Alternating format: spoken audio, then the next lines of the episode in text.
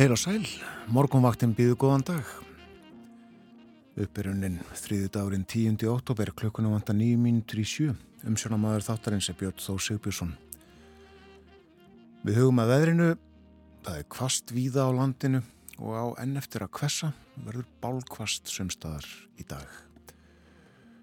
Og það hefur kólnað frá því gerðmorgun. Hittinn... Rétt ofan við frostmarkið. Einn, tvær, þrjár gráður eitthvað svoleiðis mjög víða. Til dæmis þryggjastega hitt í Reykjavík lítilsáttar ryggning klukkan 6 og vindfræðin 11 metrar á sekundu norðanátt. Sló í 21 metra í mestu kviðu einstík siti á Kvanneri og til þess að gera hægur vindur þar norðvestan fjórir Þryggjastega hiti í stikisólmi allskíjað 10 metrar norðvestan sló í 20. Einstegs hiti á Patrísfyrði og 4 metrar þar, 1 gráða líka í Bólungavík, norðan 6. Einstegs hiti á Hólmavík og 16 metrar. Einstegs hiti á Blönduósi og 13 metrar, norðan 8. Þrjár gráður á Söðunisvita og 14 metrar á sekundu og talsvert kvassara á áðunöndum stöðum í mestu kviðum. En hægur vindur á Akureyri, norðan þrýr, lítilsáttar slitta, fjórastega hitti, þrjárgráður á Húsavík, tvær á Rauvarhöfn, vestan nýju þar, þryggjastega hitti á Skeltingstöðum, 11 metrar sunnanótt, þryggjastega hitti líka á Eilstöðum skíjað og söðvestan sjö. Fimmstega hitti á höfni Hortnafyrði og 12 metrar vestanátt, fjóra gráður á Kvískerjum og sunnanátt þar, sunnan átta. Hitti við frostmark á Kirkjubæðaklaustri, nánast logn. Þrjár gráður á Stórhauðaði Vestmannegjum og 21 metri norðvestan fór í 26 í mestu kviðu. Og hitti við frostmarki Árnesi, norðvestan fjórir. Og frost á Hálendinu Tveikjastega frost bæði á Káranhjúkum og á Hverjavöllum, þryggjastega frost í Veiðivatnarhaunni og fjúrastega frost í Sandbúðum. Einstigs frost á Holtaverðu heiði kvast þar 16 metrar, sló í 20 í mestu kviðu. Svona viðræði klukkan 6 fyrir 54 mínútum og uh, horfurnar svóljóðandi norðvestan og norðan 15 til 23 metrar í dag Ryggning eða slitta um landi norðanvert en snjókoma á heiðum, sumstaðar talsverð eða mikil úrkoma, er yfirleitt úrkomi lítið sunnan heiða.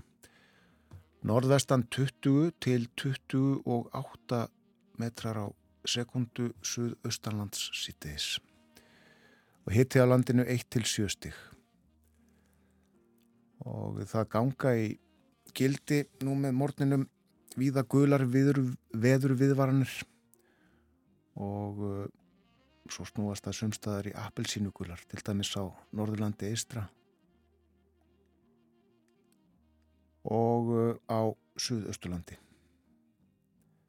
Ströndum og Norðurlandi Vestraðið Já, uh, verður kvast í dag og uh, eitthvað inn í næstu nótt.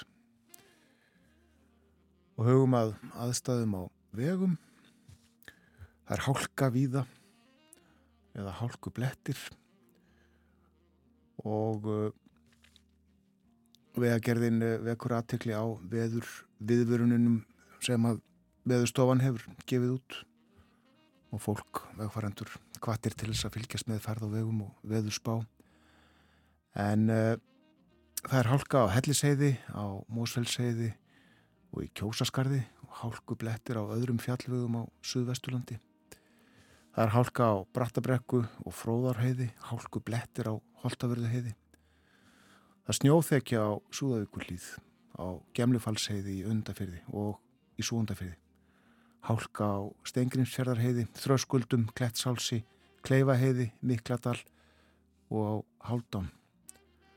Og það er snjóþekja á Öksnandalsheiði, einnig í Vaskarði og Víkuskarði, Krapi á Þverjarfjalli, einnig í Ólarsfjörðamúla. Og það má búast við snjókomu og erfiðum axtu skilirðum á fjallvegum á Norðurlandi í dag. Það er snjóþekja á fljótseiði, krapi köldukinn og uh, það er hálka á fjardarheiði fyrir hustan. Og uh, þá er það Suðausturlandið, uh, vegna veðus verður veginum millir víkur og markarfljóts lokað klukka nýju eftir tvær klukkustundir. Og uh, upplýsingar svo næst veittar klukkan tólf. Og uh, þetta á líka við um veginn milli Víkur og Freysnes. Þar verður lokað klokkan 11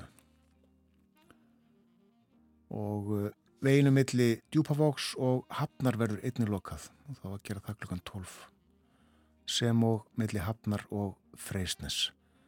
Já, uh, vegir á Suðausturlandi já, þeim verður meirið að minna lokað í dag.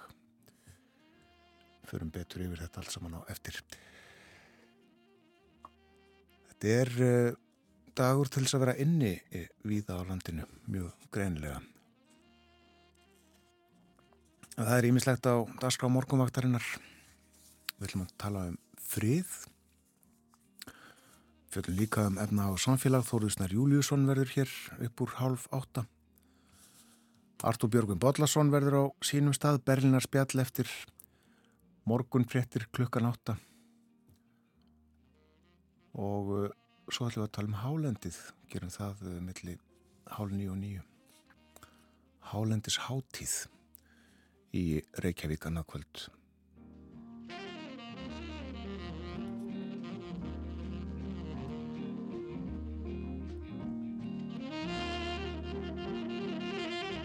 Sagt er frá því á við okkar hjá Ríkisútarfnir úr.is að Íslendingarnir 26, 126 sem að voru í Ísæl eru komnir heim. Nánar greint frá því. Og uh, fleiru í fréttunum sem að koma eftir einu og halva mínútu. Við tókum eftir þeim, fáum okkur aðeins meira kaffi.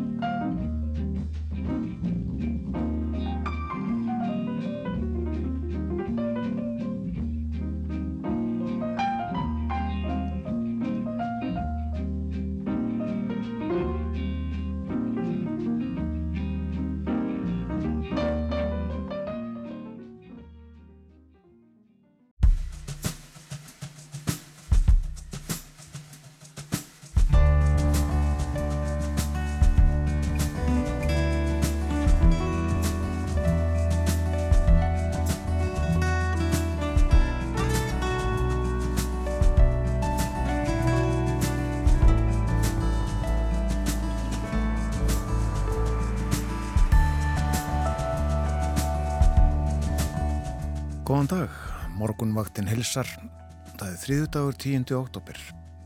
Umsjónamæður þáttarins er Björn Þór Sigbjörnsson. Og það er ímislegt framöndan á morgunvaktinni, Þórðusnar Júliusson verður hér upp úr halv átta. Í dag spjöllum við um eitt og annað við veltum fyrir okkur því mikla gengisfalli sem að orðið hefur á Maril. Við fjöllum líka um fyrirhugaða sölu kvíku á TM og uh, einnig velgengni fyrirtækja í sjáarútvegi þetta og fleira í spjalliðum efnahag og samfélag upp úr halv åtta. Hálendið er líka á Dalskrá morgumaktarinnar í dag sérstök hátíð því til handaverður haldinn annað kvöld að þenni stendur landvernd.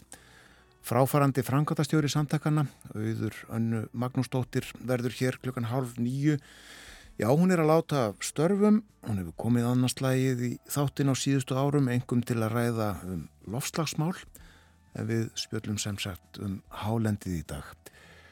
Artur Björgum Bodlason verður með okkur eftir morgumfréttir, úrslitt fylgiskostningana í Bæjaralandi og Hessen um helgin að verða greint og svo tölum við um innflýtjandamál í Þýskalandi, þau eru á dagskráð þar sífælt fleiri vilja stemma stegu við komi fólks sunnar á nettinum til Þýskalands.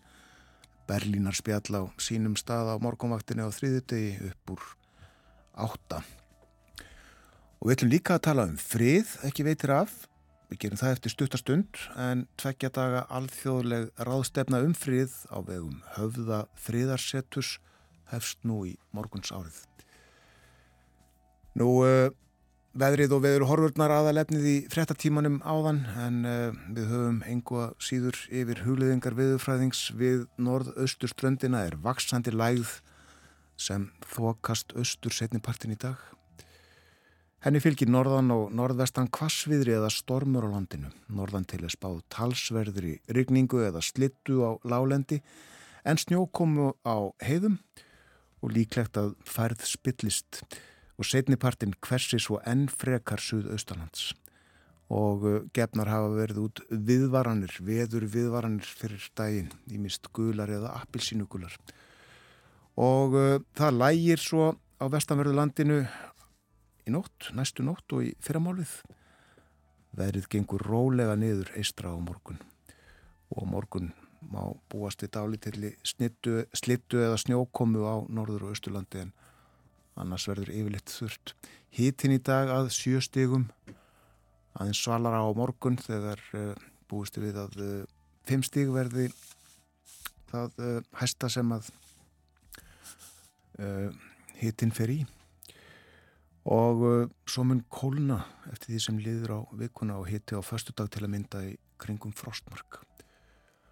Það er hálka víða á vegum eins og við fórum yfir fyrir fréttinnar klukkan 7 hálka og hálkublettir á uh, flestum fjallvögum og heiðum og uh, sumstaðar uh, líka snjóþekja.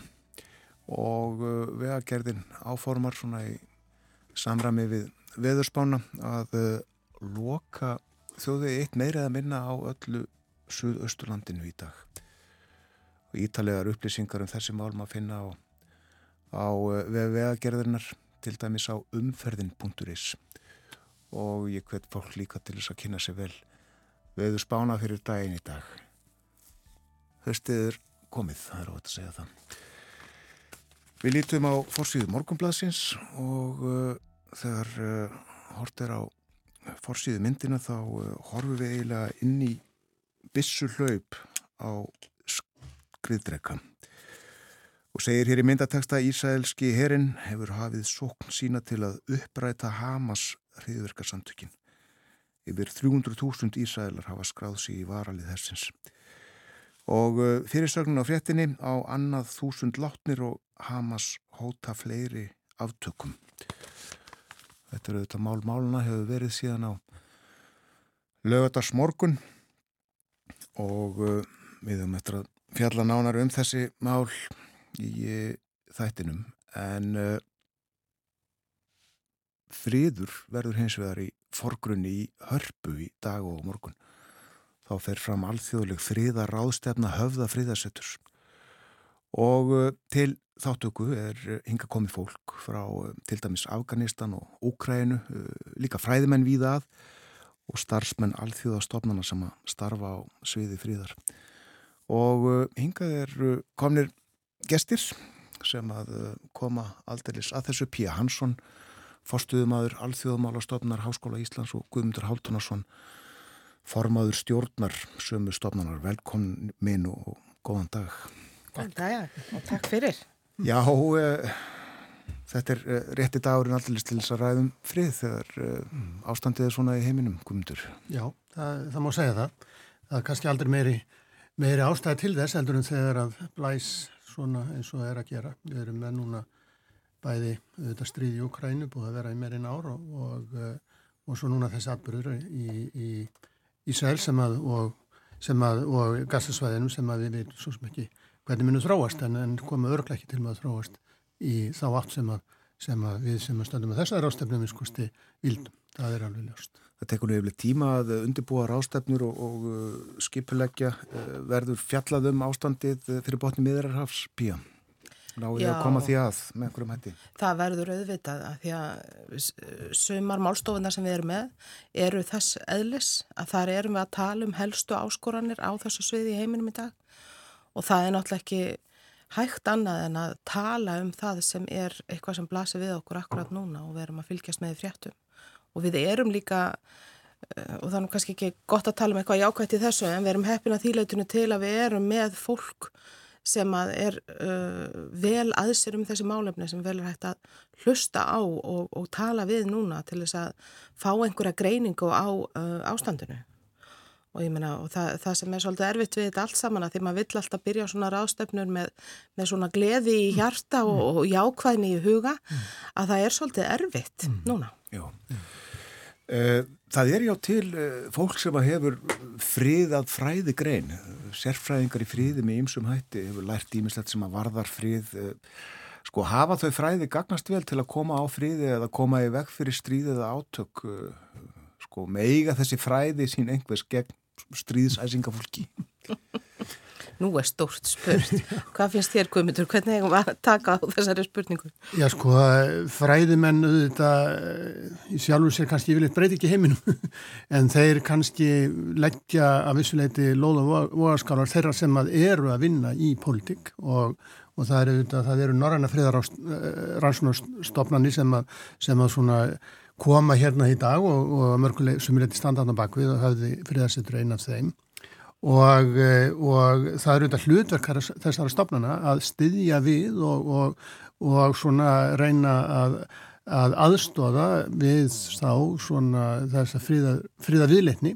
Norrlöndin hafa þótt svona standa framalega á þessu sviði, það hafa mörg hver, kannski Íslandinu kannski ekki beitt sér neitt óskaplega en það eru við ekki mjög stór en, en, en það eru þetta frækt hvað einmitt aðkoma aðkoma normana að, að deilunum við botn miðrahafs og þetta, þetta svona endurspeglar að mörguleiti stöðu Norðurlandana í, í þessum málum og þannig að þessar fríðastofnanir á Norðurlandunum eru þess vegna e, já, þeirra, er hlustað á þar vegna þess að, að, að þær eru að starfa í þessu umhverfi. En það er svona ein, einaði spurningu sem við erum að fást við núna er það að hvaða leiti þá hefur Og sérstaklega þá erum við auðvitað, svo styrjöld sem er nær okkur, Úkræna sem eru auðvitað bara við bæjandirnar hjá, hjá sumum Norrlandana, sérstaklega Finnlands. Þetta hefur breytt augljóslega stöðu Norrlandana þegar sem að þau eru núna öll annarkort komin í NATO eða á leðinni þar inn sem að gera það verkum að svona að eh, staða Norrlandana í þessum friðar umræðum breytist og, og, og það er svona eitt af þeim viðfangsarnum sem við erum að fást við þessar ástafnu ákvaða hátt breytir það starfið friðarstofnarna og, og svona samstarfið þeirra við stjórnvöld. Og Norðurlöndin hefur þetta ebla heri sína á varnir. Já, það er alveg sannlega þannig núna og maður finnur auðvitað og skilur að þegar þú býrð í Finnlandi þá ertu sannlega mjög hugsið yfir ástandinu og auðvitað hafa þeir alltaf þurft að huga mjög mikið að því hver er mm. hinnum með landamærin mm. og hafa háð mörg stríð við mm. Rúsland. Þannig að það er óskup skiljanlegt að það sé svo hugsun sem er núna framar öllu í Finnlandi og uh, á Norðurlandunum almennt því að þetta finnum við vel fyrir því sem er að gerast í Ukrænu hér. En uh, einmitt þess vegna teljum við svo mikilvægt að reyna að gera það sem við getum til þess að ebla þessa þekkingu, til þess að skapa svona sterkari þekkingagrunn og til þess að við séum líka greina ástandi vel og aðstóða þá þá sem er að taka ákvarðanir við að vera komin með eitthvað sem við getum lagt inn í þá uh, ákvarðanatöku. Já, höfði fríðarsettur, þetta er fallegt, segð okkur frá starfsemi þessar settus. Ég sko þetta byrjar uh, 2000 og uh, nú langar mig að segja 16, allt í hennu er ég orðin eitthvað að þreytt og man ekki neitt. Jæja, 2016 þá hófum við leika. Og þetta er í rauninni aðeins öðruvísi heldur en aðra rannsóknarstofnarnir sem við erum með innan alþjóðamálstofnar að því við erum í samstarfi við Reykjavíkborg og þar var hugmyndin líka að skoða það sem er mjög merkilegt í þróun í alþjóðamálum að borgir er að taka sér stærri sess til dæmis uh, varðandi alla baróttu í loftslagsmálum. Þannig að það er svona ímislegt sem er gaman að skoða út frá þeim uh, vinkli að við séum ekki alltaf bara að skoða hvað ríki er að gera. Þannig að það var einn hugmyndin. En innan höfða friðarsettus vinnum við að alls konar uh, hlutum. Við höfum til dæmis startað uh, það sem var á sínum tíma uh, hraðall en heitir núna vaksta rými fyrir uh, samfélagslega nýsköpun og svo er þessi ráðstafna svona eitt af okkar flagskipum, eitt af því sem við gerum svona kannski sem er hvað sínilegast að auki erum við með tölverst af rannsóknum. Já. og uh, það má segja að, að þetta svona tegir ánga sína og samblandast svolítið innan alþjóðamálstofnar en við erum til dæmis með stóra rannsókn þar sem við erum að skoða áhrif upplýsingaóreiðu og höfum gert það í öðrum rannsóknum sömulegði sem að Guðmundur hefur líka uh, tekið þátt í. Þannig að þetta er svona, þetta stef hjá okkur má segja að sé einan alþjóðamálastofnunar að skoða hlutverksmárikja, soldið með þessum vinkli að við búum þó á norðurslóðum, þannig við erum með norðurslóðasettu líka, við erum að hafa gera í næstu viku líka, það er Arctic Circle, ringbór norðurslóða og svo höfði friðasettur sem er þá að setja svolítið uh, að segja, kastlósið á það hvað við viljum og kannski mm. aðri telja að við séum að einhverju leiti. Og þú nefndir eh, loftslagsmálinn, þau eru, ég má segja, ný breyta í þessum fröðum? Já, algjörlega. Að skoða þessi áhrif, að því að auðvitað hefur þetta bein áhrif á hvað eru eh, átök í heiminum, að því að það fyrir að verða bara átt að um hluti eins og auðlendir auðvitað og er og um mm. vatn og ýmislegt annað og svo koma náttúrulega flótamenn. Já, það er auðvitað eitt af þessum stóru málu sem að, sem að öll lönd á Vesturlandum er að taka stáðið er, er það að, að meðal annars vegna e, lofslagsmáluna þá er aukinn strömi flótamanna. Þetta skapar pólitiska spennu og auðvitað líka ákveðin e, efnarslega vandamál og þarna koma stofnanir eins og þessi, fríðastofnanir e, sterklega að vegna þess að, að það er svo auðvelt að æsa upp uh, svona populíska uh, já, hræðslu við þetta ástand sem við búum við. En, en raunverulega er eina, eina lausnin á, á flottumannavandanum er að reyna að bæta kjör uh, í heimalendum fólk sem er að flýja að, að, að á meðan að þessi mískipting ekki bara auðs heldur einnig öryggis er í heiminum og þá kemur fólk til með að leita frá þeim svæðum þar sem að það býr við þáttakt og, og, og átök inn á svæði þar sem er friðsamar. Já. En við höfum verið núna, og það hefur verið aldrei rætt, eh, við erum svolítið sérstök hér á eins og, og Píja myndist á hér á, á Íslandi meðan við hín Norrlandin að, að hínum Norrlandunum eru, eru mun sterkari e, fríðarstofnani sem eiga, eiga langarsögur sem við höfum verið miklu samstarfi við, e, kegnum Norrlandi samstarfi. Við höfum áhuga á að styrkja okkur enn frekar og þá með samstarfi við við alþingi og það slíkar umræður hafa, tilugur hafa komið fram og, og vonandi verður eitthvað úr sví vegna þess að, að og það hefur við heyrt í samræðum okkar við ráðafólk að, að, að þau ger sjálfur grein fyrir því að eitthvað svona er, er mikilvægt, að stopnum sem er þá akademistofnun sem er pólitísk sjálfstæð og tekur ekki afstöð í pólitískum málum heldur, heldur hefur rannsóknur einingis að leiðaljósi að að uh, slíka stopnarnir eru stjórnvöldum mjög mikilvægur og, og hinn í Norrlandunum eru slíka stopnarnir styrtar af, það er, er mjög ímsanhátt hvernig það, það er gert.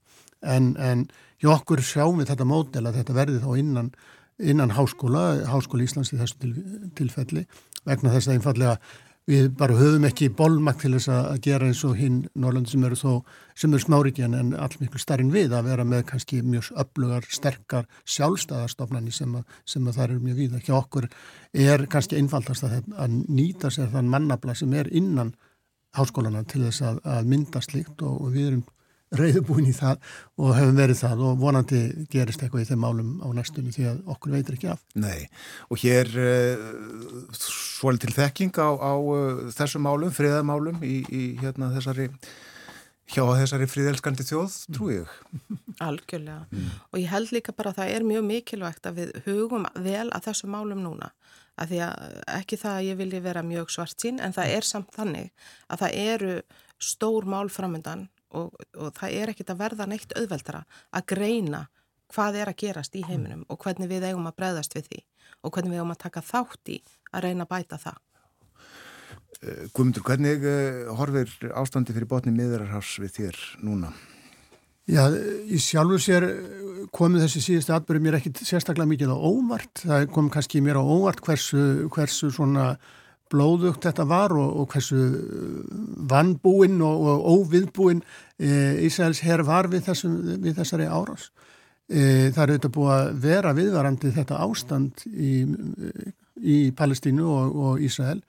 E, þar eru raunverulega alveg ljóst að þessi mál verið ekki leist nefn að þá með einhvers konar samningum á milli Ísraels og Palestínmanna meðan þú heldur eh, miljónum manna í gíslingu og, og gerir það verkum að þau get ekki lifa mannsamandi lífi eh, sífælt að ganga á land þess og rétt að þá, þá er, er óhjákvæmilegt að, að, að hatur og, og, og svona anduð e, vaksi og vonleysi og þessar aðgerri sem við sjáum núna þessar hriðverkargeri sem eru viðbjörnslegar að þær eru viss speilmynd og viss uh, ángi af, af vonleysi uh, fólks vegna þess að það er alveg ljóst að, að þetta, þessar aðgerir skila engum árangur í sjálfu sér. Það uh, Hamas kemur ekki til með að sigra Ísæl. Þeir sem að líða, koma til endanum að líða mest af þessu eru palstiminn sjálfur vegna þess að núna eru, eru Ísælsmenn að byrja sína hernarækjerur og, og gagvart her Ísæls hefur þetta, Hamas engin, engin ráð.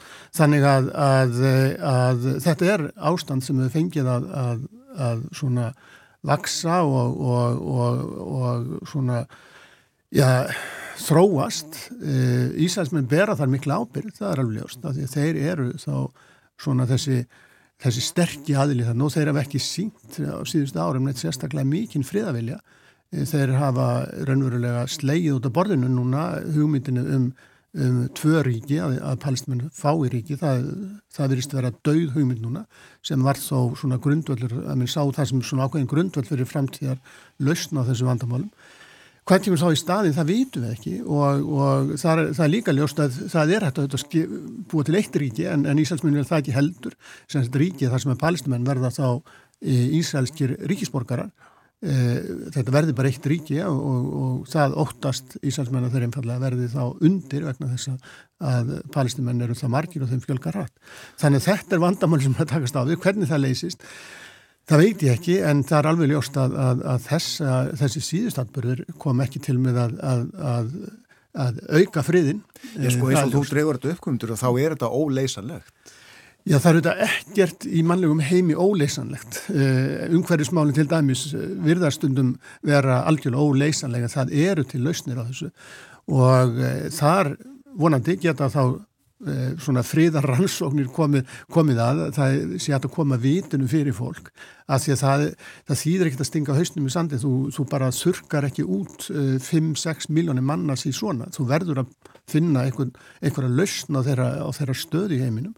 Öðruvísi þá, þá kemur til með að vera þessi spenna. Já. en hvernig, hvernig svo lausn er það er alveg ljóst að það hefur ekki verið einfalt og, og, og svona pólitisk þróun í Ísæl hefur ekki ítt undir þetta Eh, er, og mótið er síðan algjör pólitísk, eh, hvað maður segja eh, já, blindgata sem að, að, að palestinmennir eru í þar sem að, þar sem að Hamas ræður á gassasvæðinu og, og svona eins og menn segjast um gamlingjar sem voru kostnir fyrir næstu áratug hinnum einn að það er, það er pólitísk, má segja algjörlega pólitísk eh, blindgata þar þannig að, að þetta er ekki auðvöld að lesa þetta en, en, en það hlýtur að vera hægt að því að, að, því að öðruvísi þá annars verður þetta ástand áfram þar sem að þetta brýst út í hriðverkum og eh, já, palestmenn sjá aðgerir Íslandsmanna sem líka sem hriðverk þannig að meðan menn, menn gerna með það ríkir að þá eru þetta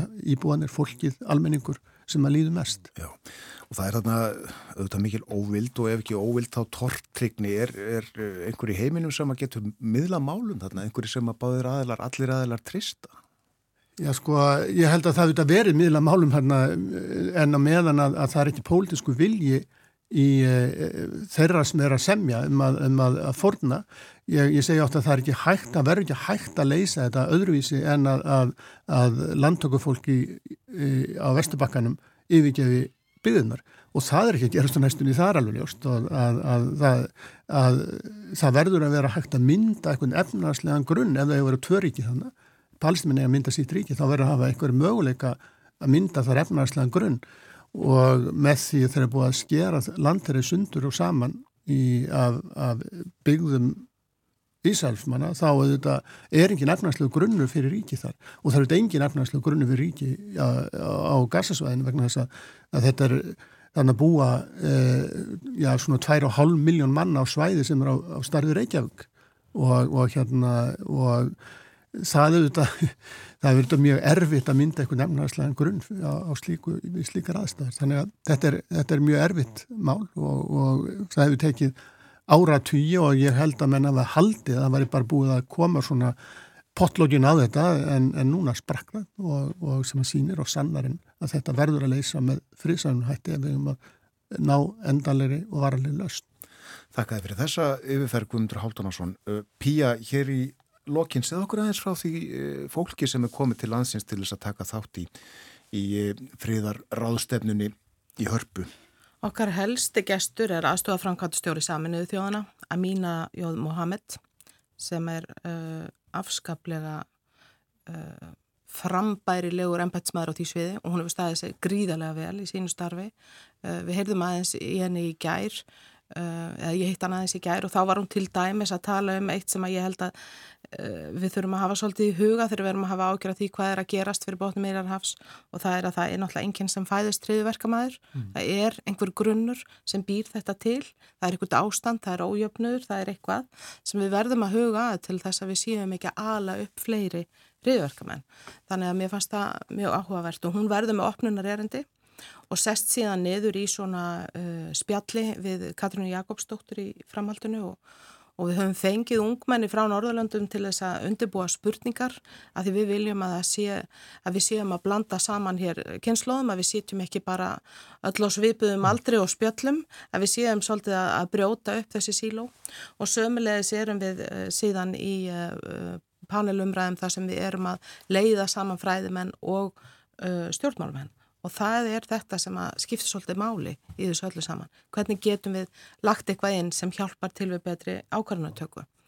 Og borgarstjóri Líf í Ukrænu komið til hansins? Hann er komið til hansins líka og það er náttúrulega bara mjög áhugavert að heyra uh, hans upplifuna því hvernig það er að stjórna borg sem er í stríðsástandi og uh, samanburðurinn verður uh, einhverju leiti svona kannski má segja í þrepum að því við erum líka með borgarstjóran frá Helsingi sem er auðvitað uh, sömulegðis að, að upplifa breyta tíma og segja má það að við orðið algjör kúvending í Finnlandi bara á einhverjum tveimur, þreimur dögum eftir innrásina í Ukrænu. Og nefnum líka uh, Mahubu Serai sem er uh, fjölmjöla og hvernindakona frá Afganistan. Já, hún var ein af þeim sem var á þessum hvað, ég held að þetta sé kalla shortlist, afsakið að ég segi það á ennsku, ég man ekki, getur maður sagt stuttalistanum? Já. Fyrir friðavelu Nobels, hlaut þau ekki en var einhvað síður á listanum og hún hefur verið öll barátukona fyrir hvernig tindum í uh, Afganistan áratugum saman. Þakk ykkur fyrir komin á morgunvaktina, Píja Hansson og Guðmundur Haldunarsson. Takk. Takk.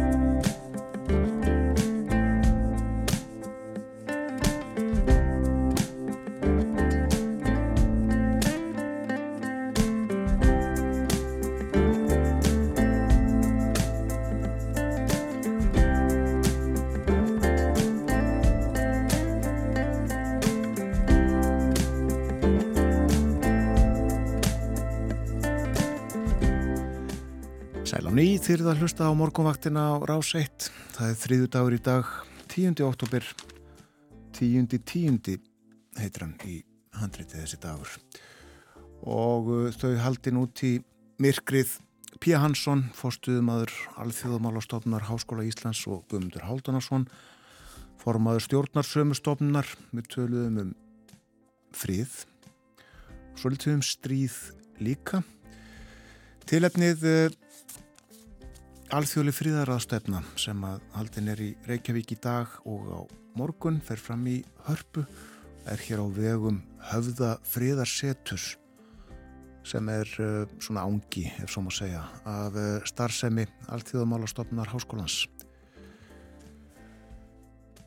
Nú, nú, það verður kvastalandinu í dag, uh, vindræðin almennt kannski 15 til 23 metrar á sekundu en uh, talsvert kvassara sumstaðar í dag.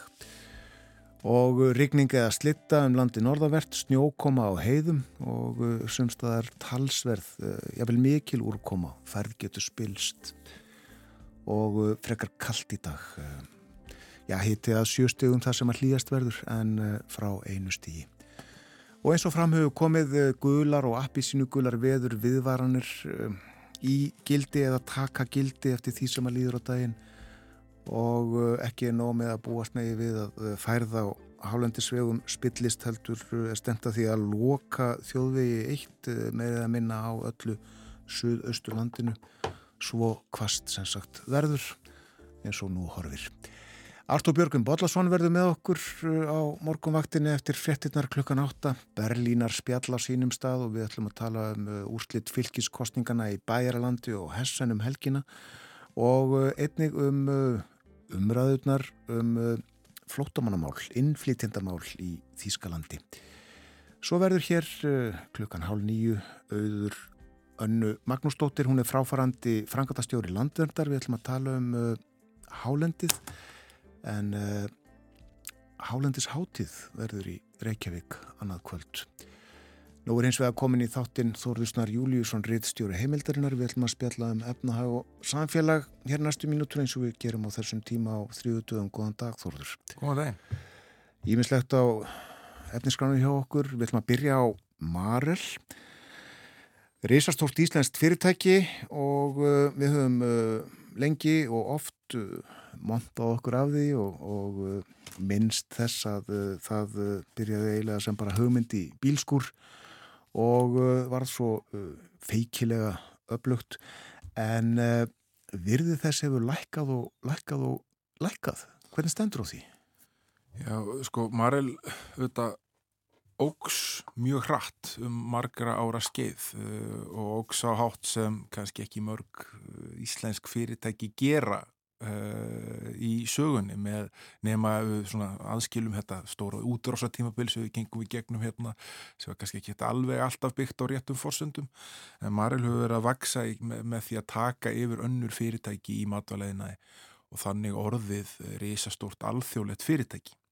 Uh, og það var jafn stígandi á gengi brefa í Marel alveg frá já, síðar hluta árið 2014 og, og fram á síðar hluta ás 2021 um áramótin 21-22 var markasverði Marel eh, ja, 600 og 60 pluss miljardar króna, langverðmatasta fyrirtækið í kaupöllinni og uh, síðan þá hefur gengið lækkað um 57%. Það er hérna, núna er markasverið 286 miljardar króna.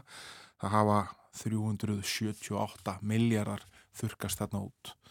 Uh, fyrir þessu eru ymsar ástæður. Fyrirtækið hefur verið að búast við betri rekstararángri, hefur verið gefið yfirlýsingar um það að framlegð sé að fara verða á ákveðin hátt og svo eru þetta að draga í land með það, hefur gefið út afkomi viðvarnir, eh, sérstaklega fyrra um það að hérna, hlutinir eru ekki að fara eins og lagt var upp með.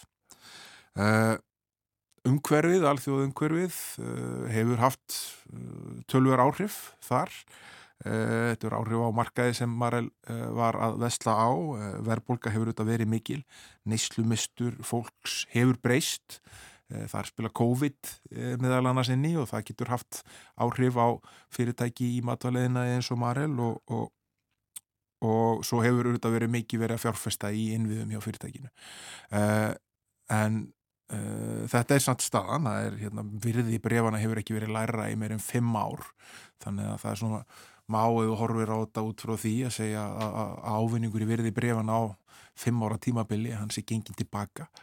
Uh, og það eru þetta stórmál þegar svona stort fyrirtæki er undir. Einmitt. Og Marel framliðir já fyrir fólk sem ekki veit uh, velar og tæki til matvala framliðslu selur út um allan heim. Já, það auðvitað voru orðið tölver breytingar svona í, í uh, bakgrunnum hjá Marel, mælur þetta að segja upp fólki.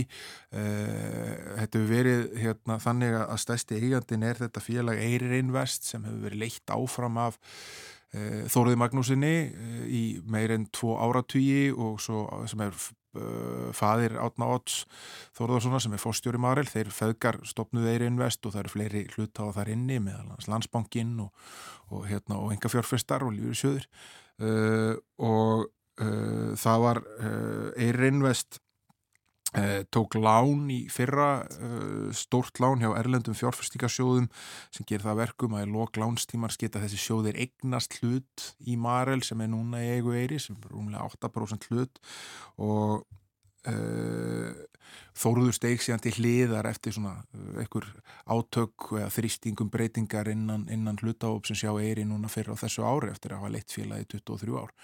Þannig að hérna, það eru líka svona breytingar sem hafa átt í stað í bakgrunum Já, segjum þetta gott að Marel uh, höldum okkur í kaupöldinni það er Kvika sem er banki. Og fyrir tveimur, þreimur árum eitthvað svo leiðist þá saminuðist Kvika og TM, Tryggingafélagið. En uh, það gerist já með þeim hætti að uh, Kvika eignaðist í raun TM, var uh, dótturfélag en nú vil Kvika annarkvárt selja Tryggingafélagið eða skrá sérstaklega í kaupullinu aftur. Hvernig stendur það þessu? Já, það vona fólk spyrji. Kvika hefur verið svona mjög aggressíft í yfirtökum það eru orðna nýju held ég, ef við tel rétt eh, yfirtökurnar á ekkit svo mörgum árum og hefur meðal annars verið að uh, sópa til sín eignastýringum til þess að búa til stóra og mjög öfluga eignastýringu. Kvika er tölvöld öðris í banki en hinn í þrýr það er verið lögð áherslu á eignastýringuna og svo hefur þetta verið tringareksturni sem verið í TM og, og, og svona eignalega sem hefur verið í likli og svo hafa, hefur uh, kvika verið að keppa með því að hérna, bjóða upp á góð innlána kjör í gegnum auði.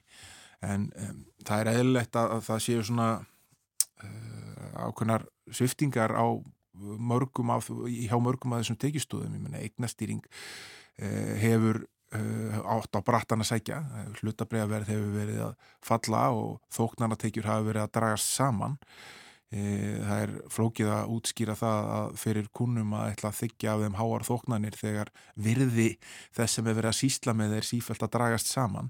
Og þar auðvitað þegar þú búin að byggja upp mjög stóra og sterka eignastýringu sem Kvika hefur gert hefur áhrif á rekstur samstæðunar e, sömulegis eh, byggja svona innlánsmótil dáltið á því að, að, hérna, að leggja peninga inn í seðlabankan og fá á að vexti þar að hluta til fyrir peningana og færða hjá konunum og svo leggur það þar inn.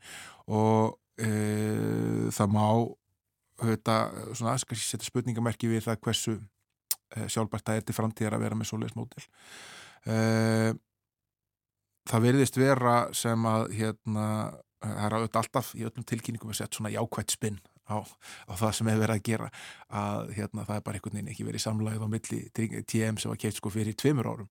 Síðan er rétt rúmum sem þeir kom inn í samstæðuna eh, og núna þurfum við að að losa þetta til uh, hagsbóta fyrir alla hluthafa og hérna og svo að greiða afraksturinn út í arði eða í, í endurköpum og brefum til hluthafa.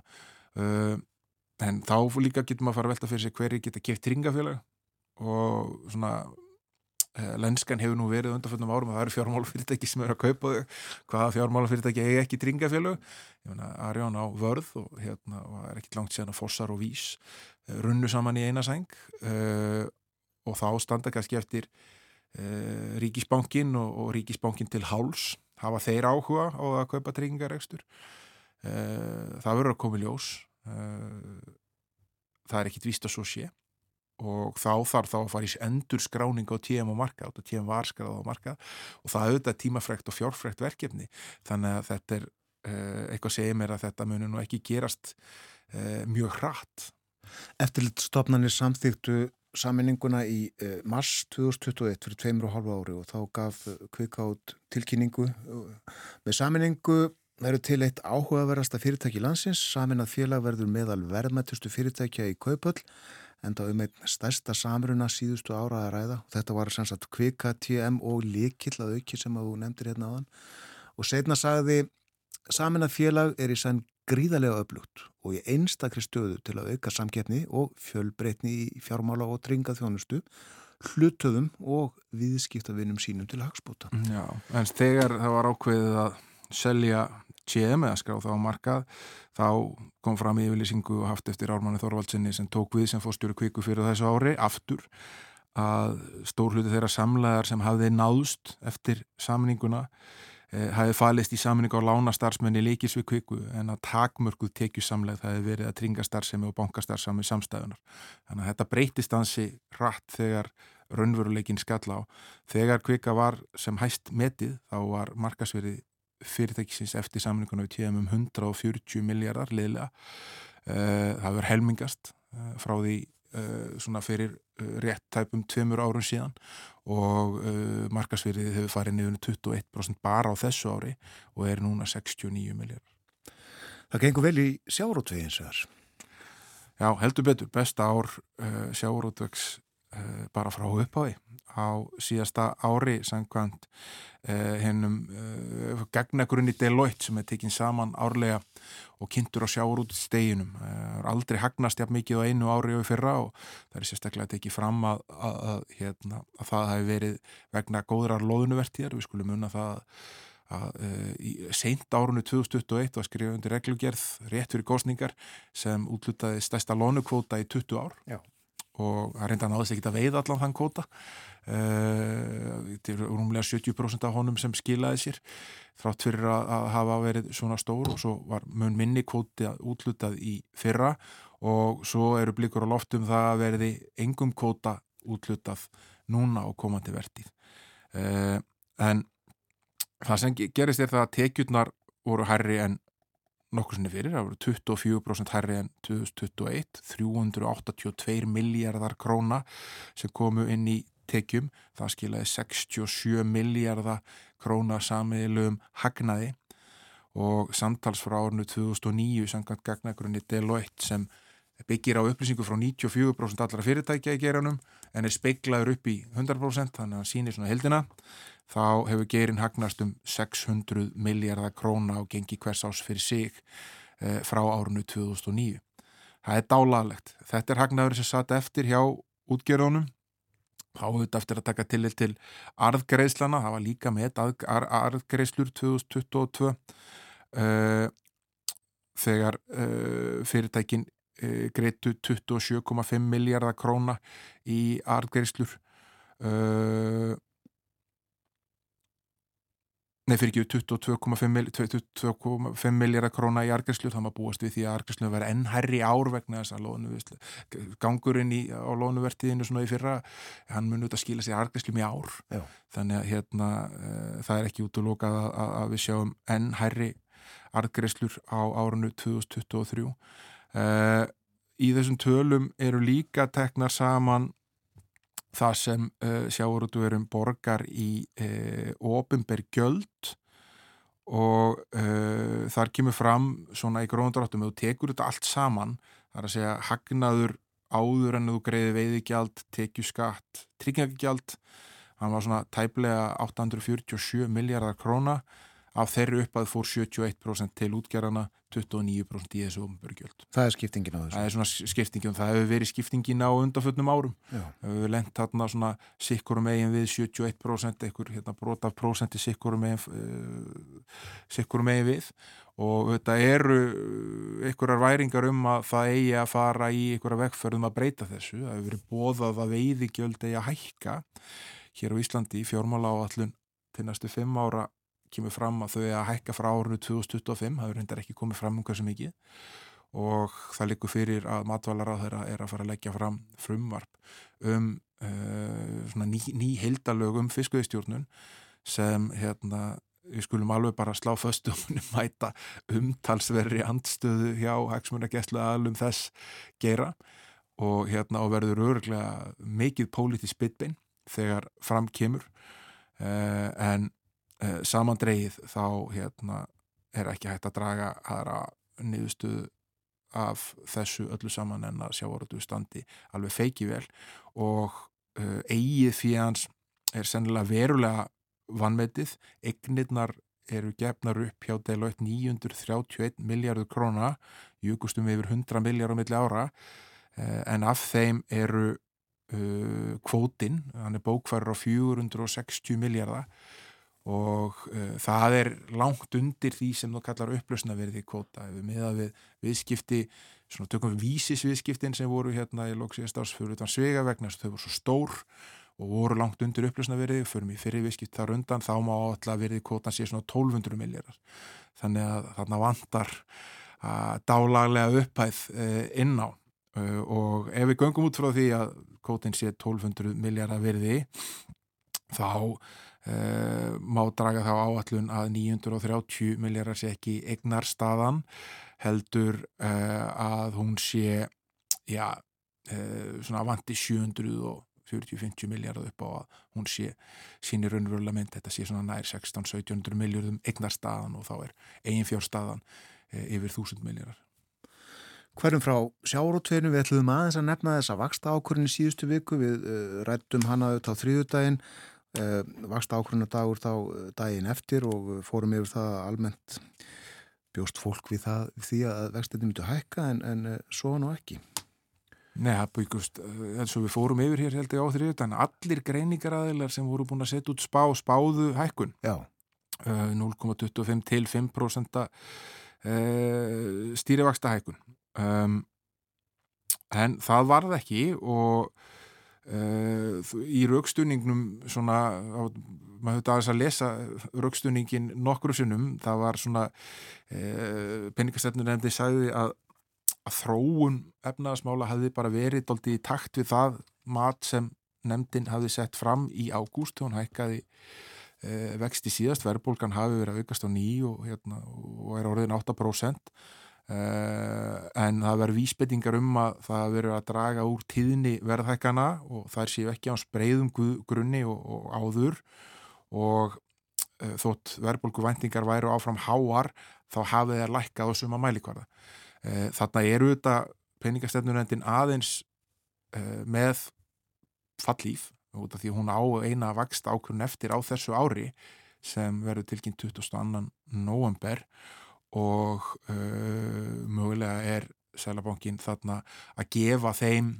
sem uh, svona geta viktað inn í það að ná verðbólgunni niður, smá svigrum til þess að gera það, fyrirtækjunum til þess að vera ekki að velta verla, uh, hæ, hækkunum, verðbólguhækkunum út í verlaið, stjórnvöldum og aðlum vinnumarkaðarins smá svigrum til þess að komast að ekkur í niðurstu og þeim hnút sem verður í kjaramálunum sem eru framöndan uh, og hafa þá þann uh, valkost í lók nógumber að breyðast frekar við ef að, ef að bankin telur svo að vera þörf á slíku vera en þetta er auðvitað tímamót það varð ekki að 15. stýrivægsta hækkunni röð og það held ég að allir sem eru binda heimilisbókaldi sitt við vaksta þróun Eh, þeir geti fagna því að minnst okkur tímbundi.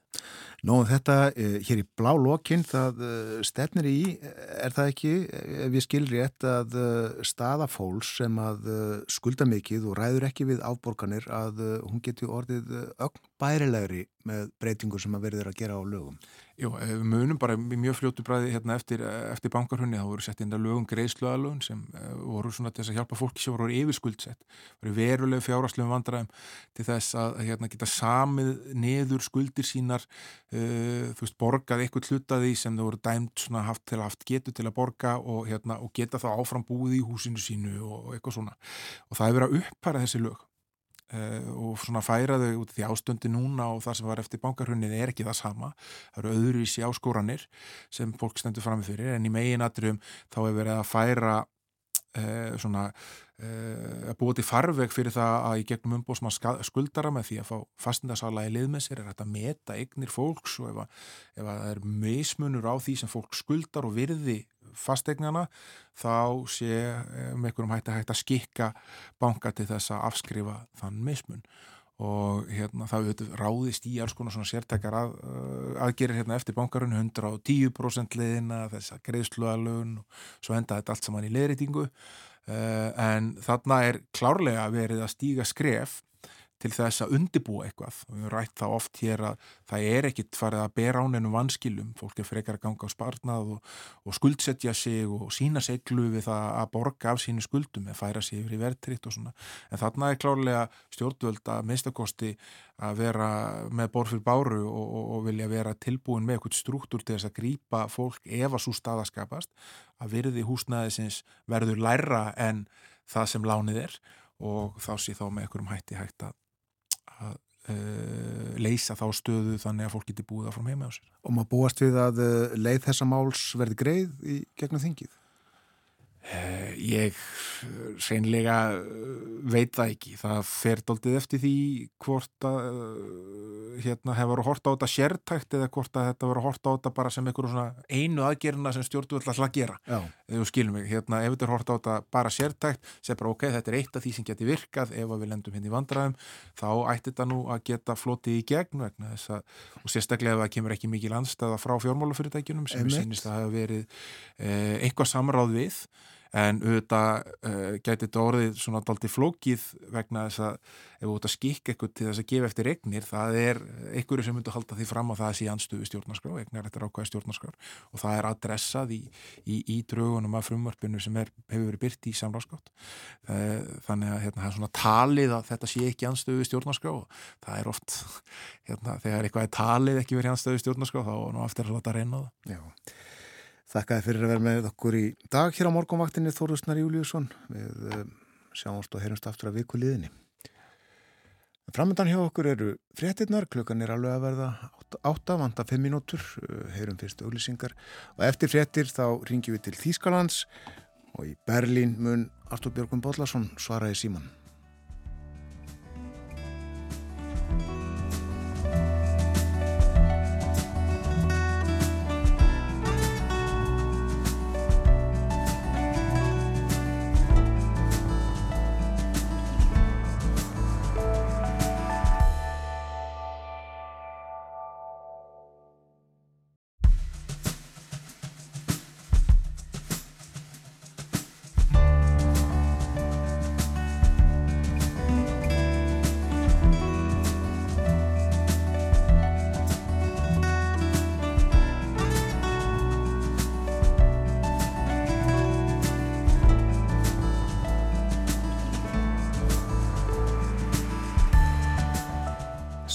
Þetta er morgunvaktin á rás 1 klukkan farin að ganga nýju það er þrýðu dagur í dag 10. oktober umsjónamæður þáttarins er Björn Þór Sigbjörnsson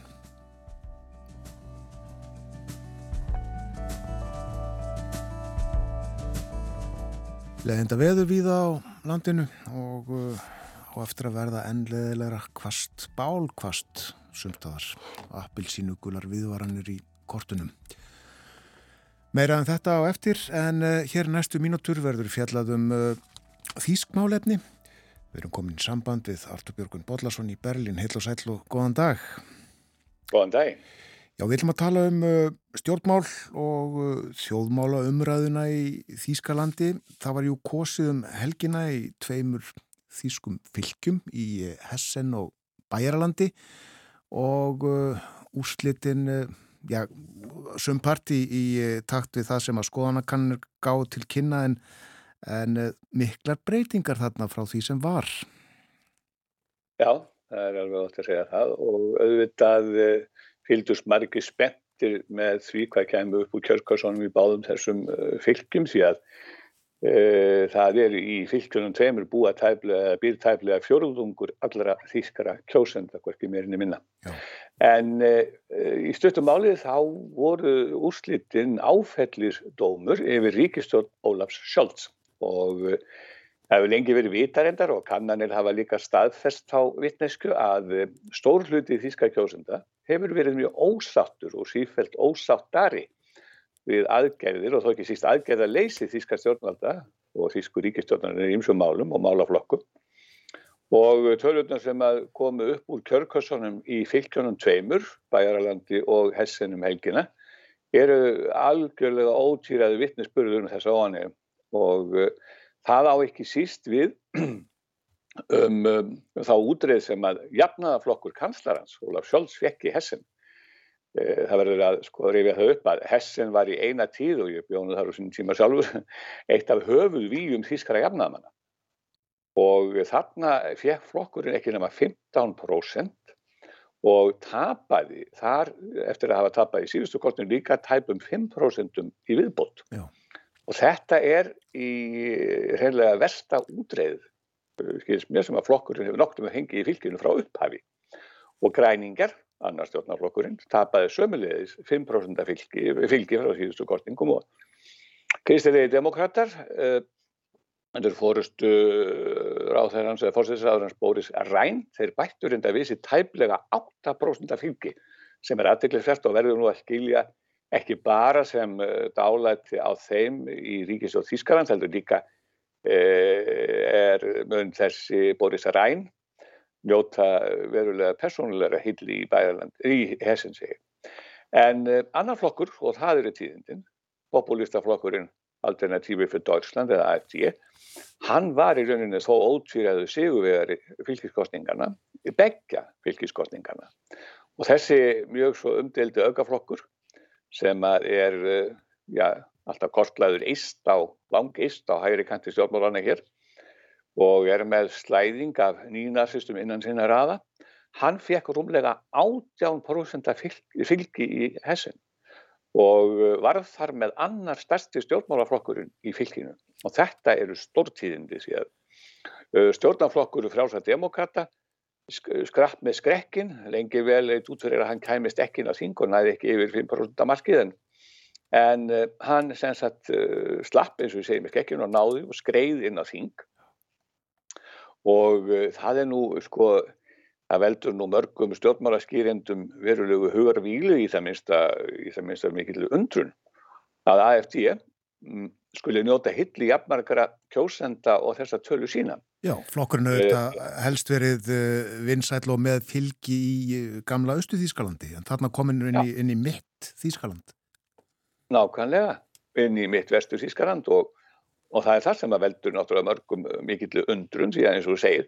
Þetta hefur til skamstíma hefur alternatífið fyrir Dórsland verið lítið að hann svona sem afsprengi þeirra ofanauðu sem að ríkir viða í Östu Þískalandi með stjórnastefnuna og uh, við höfum nú rætta áður að Östu Þjóðurum finnst þeirra að verið hlundfarnir á síðustu árum og ekki nú mikið gert fyrir, fyrir Östu Hjörðun en En það vekur furðu að vesturþjóðverjar uh, og hessenbúar skulle hafa gósið þennan flokki í ríkumæli og römbervittni e, því að eh, sko ef maður horfir á stefnuska flokksins að þá er her, hún í rauninni eh, ekki mjög svona fjölskurúðu. Það er að segja að þeir eru aðalega með þá sinni stefnuska að loka Þýskalandi fyrir innflytindum bara alveg og, og segja skilir við Evrópussambandið og þess vegna sko, þykir fólki það enginlega og, og svo náttúrulega hafa liðsmenn uh, þessa flokks aðalega getið sér orð fyrir dólgshátt og uppöðslu sem á fylgistingunum sem við sitja á. Og þess vegna spyrja mér sko hvernig getur staðið á því að svona flokkur eh, sem eru margt líka fjandsamlegu líðræðinu, hluti flokksins er undir eftirliti öryggisifur valda Þískarhans, að svona flokkur skuli njóta stuðningstæflega 15 hvers kjósanda í fylgi eins og hessin þar sem, sem ásýr í rauninni mjög langa og skýra líðræðis hefð og uh, þetta er sem sagt nýmæli eins og, eins og varst að nefna sko, við vorum að tala um að þá er þetta auðljóst mála þarna er sko flokkurinn sem að hefur til skamstíma verið að fá í könnunum yfir 30 af 100 í östu físku fylgjónum menn horfa nú með og hugsa nú með svona hrekkar blendum tilfýningu til þess að það verður góðsið í þreymur þegar á næsta ári. En þessi flokkur að sko þá dýr ekki þessi skýring lengur að hann sé bara viðbrað við einhverju ónægu fyrir austan því að hann er, hann er búin að hasla sér vall með þessu í vestur hluta Þískanans og í Bæralandi fekk hann að vísu um tíma leit útjafil fyrir að hann er því næsti flokkur á eftir CSU, flokki Markus og Sutter sem að vann reynda þokkarlegan sigur þar, uh, það er flokkur Sutters, uh, held í nokkurnin, uh, já, fekk nokkurnin sama atkvæðamagn, 37% eins og í síðustu kostingum og heldur þess að sjálfsagt áfram með ævanger og og frjálsum uh, kjósendum, uh, flokki frjálsa kjósenda við stjórnartöfum þar. En, uh, en menn spyrja sér sko hvað er eiginlega að gerast og hvað veldur þessum hræringum? Og í, það er kannski rétt að, sko, að, að nefna að hafa, kannanir hafa lit í ljós og alltaf verður til að kannanir hér á huga fari kjósenda og akkur við erum velja þann flokk sem við velja og framvegis. Það er gríðarlega mikla stopnarnir og stóra sem að vinna í því að rýna í hugskott þýskra kjósenda, það er mikill yðnaður hér, en þessar kannanir hafi sínt að um helmingur kjósenda AFD greiða þessum flokki atkvæði sér til að láta í ljósu og með stjórnarfari í landinu. En uh, hinn helmingurinn segist þeirra hlindur stefnumálum flokksins, uh, hversu þau nú almennilega eru nema þau sem ég nefndi þarna á þann og, ef að marka má þessa niðurstöður Eh, segja sumir, þá er í sjálf fyrir ekki ástæði til að óttast e, því að þá værum við að tala um svona, það væru tæp 10% tískara kjósundar sem vilji loka landinu fyrir umflýtjendum og yfirgefa Evrópusambandi. Það er kannski raunhæft að það sé einna hverju tíu sem er með slíkar hugmyndir.